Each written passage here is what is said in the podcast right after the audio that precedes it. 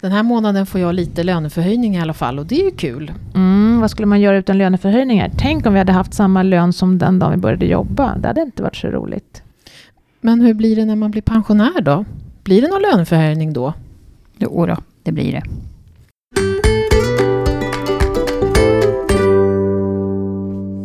Välkommen till Min Pensionspodden. Idag ska vi prata om hur pensionen kan växa trots att du inte har en arbetsgivare att förhandla med.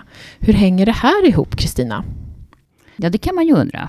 Men det finns faktiskt flera sätt att höja pensionen och på något sätt så hänger faktiskt pensionerna med den allmänna ekonomiska utvecklingen något sånär i alla fall. Men hur då? Ja, vi kan ju börja med garantipensionen. Det är alltså den där pensionen du får när du inte har tjänat in så mycket själv. Du får ett slags statligt stöd kan man säga.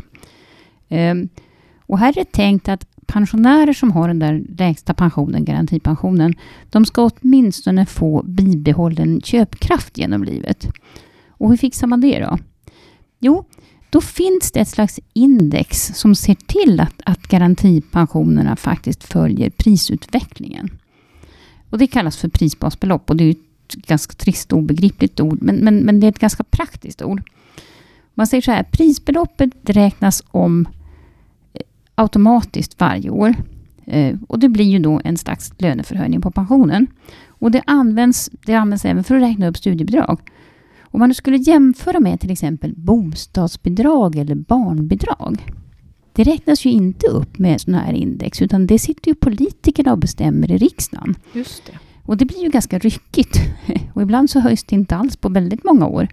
Eh, medan den här garantipensionen, som ju är en ganska viktig för, för pensionärer med låg inkomst, då har man alltså en automatisk uppräkning som man inte måste sitta och förhandla om i riksdagen, utan, utan det sköts per automatik kan man säga. Och för nördar då, då nu lite nördextra här, då kan det ju vara kul att veta att det första basbeloppet då, det fastställdes 1957 och då var det 4 000 kronor. Eh, I år är samma basbelopp 44 800 kronor, så det har ju då hänt en del. Det är tur att vi inte är kvar i det här gamla 4 000. Nästa år blir prisbasbeloppet 45 500 kronor. Och eftersom en garantipension, en full garantipension, är lite drygt då, då två basbelopp, så får alltså en garantipensionär en höjning med ja, ungefär 1400 spänn per år. Okej. Men eh, nu pratar vi om allmän pension. Är det likadant med tjänstepensionen? Räknas den också upp med basbelopp? Nej, det egentligen kan man säga att det här prisbasbeloppet i alla fall, det, det, det gäller egentligen bara garantipensioner.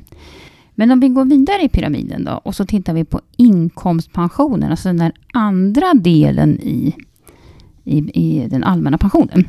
Mm.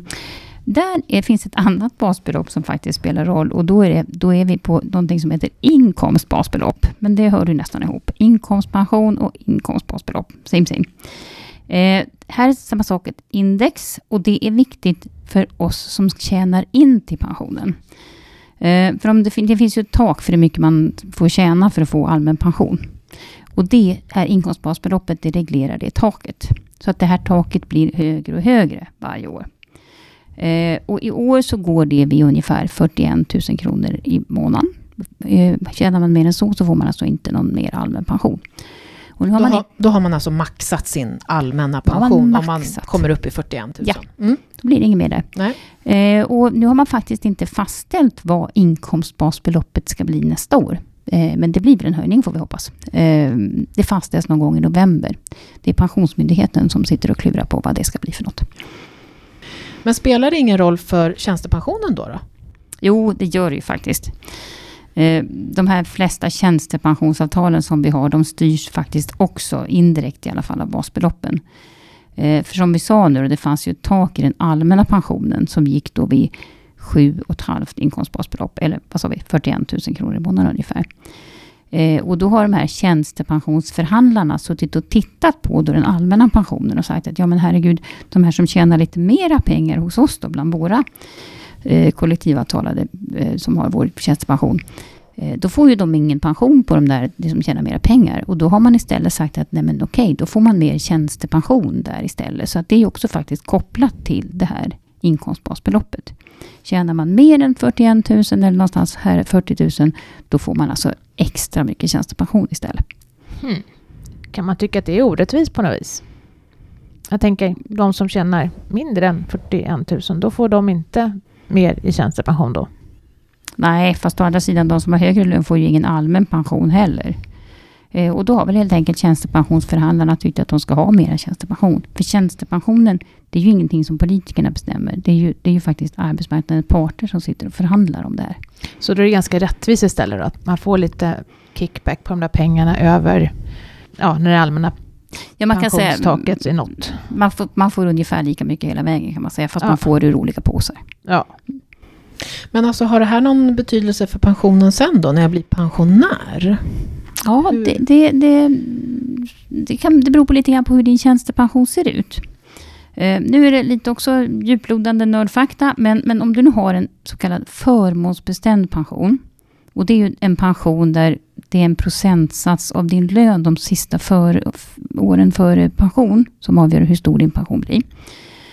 Då är det faktiskt också så att den här pensionen, alltså löneförhöjningen som du får på den delen av din pension, den räknas också upp med det här prisindex, alltså egentligen prisbasbeloppet. Så att eh, det, är bra att ha koll på det. Och det är faktiskt så att prisbasbeloppet har ju till och med sjunkit ett och annat år, när vi har haft deflation i samhället. Just det, det var en fråga jag hade också. Kan det gå ner? Ja.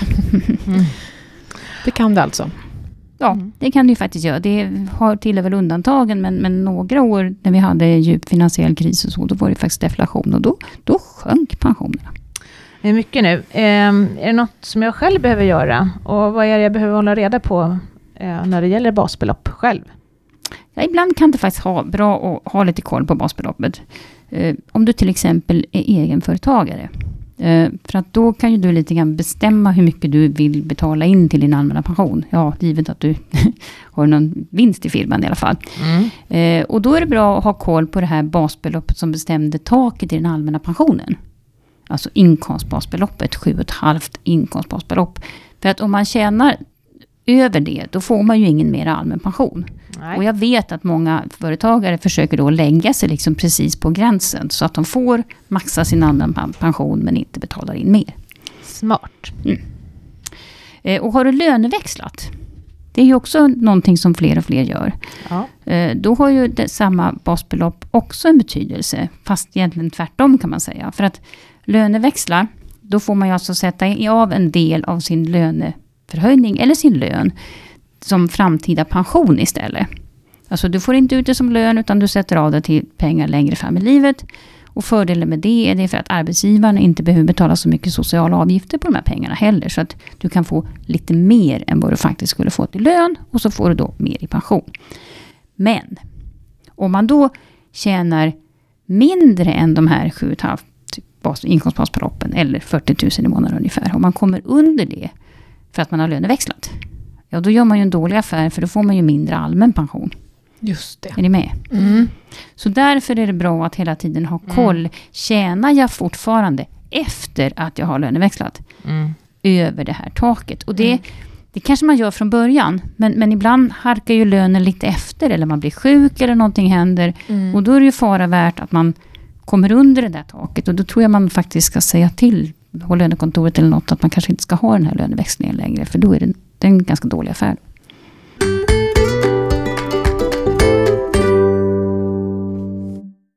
Okej, då har vi lite koll på basbeloppen. Då tänkte jag att vi skulle kolla på dagens fråga.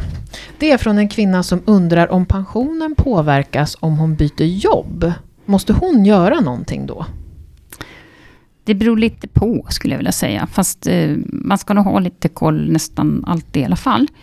Eh, för den allmänna pensionen, då spelar det ingen roll att du byter jobb. Utan du deklarerar ju som vanligt och det är egentligen de pengar du deklarerar som är grunden för din allmänna pension. Så att du kan byta jobb hur mycket som helst, det är liksom same same.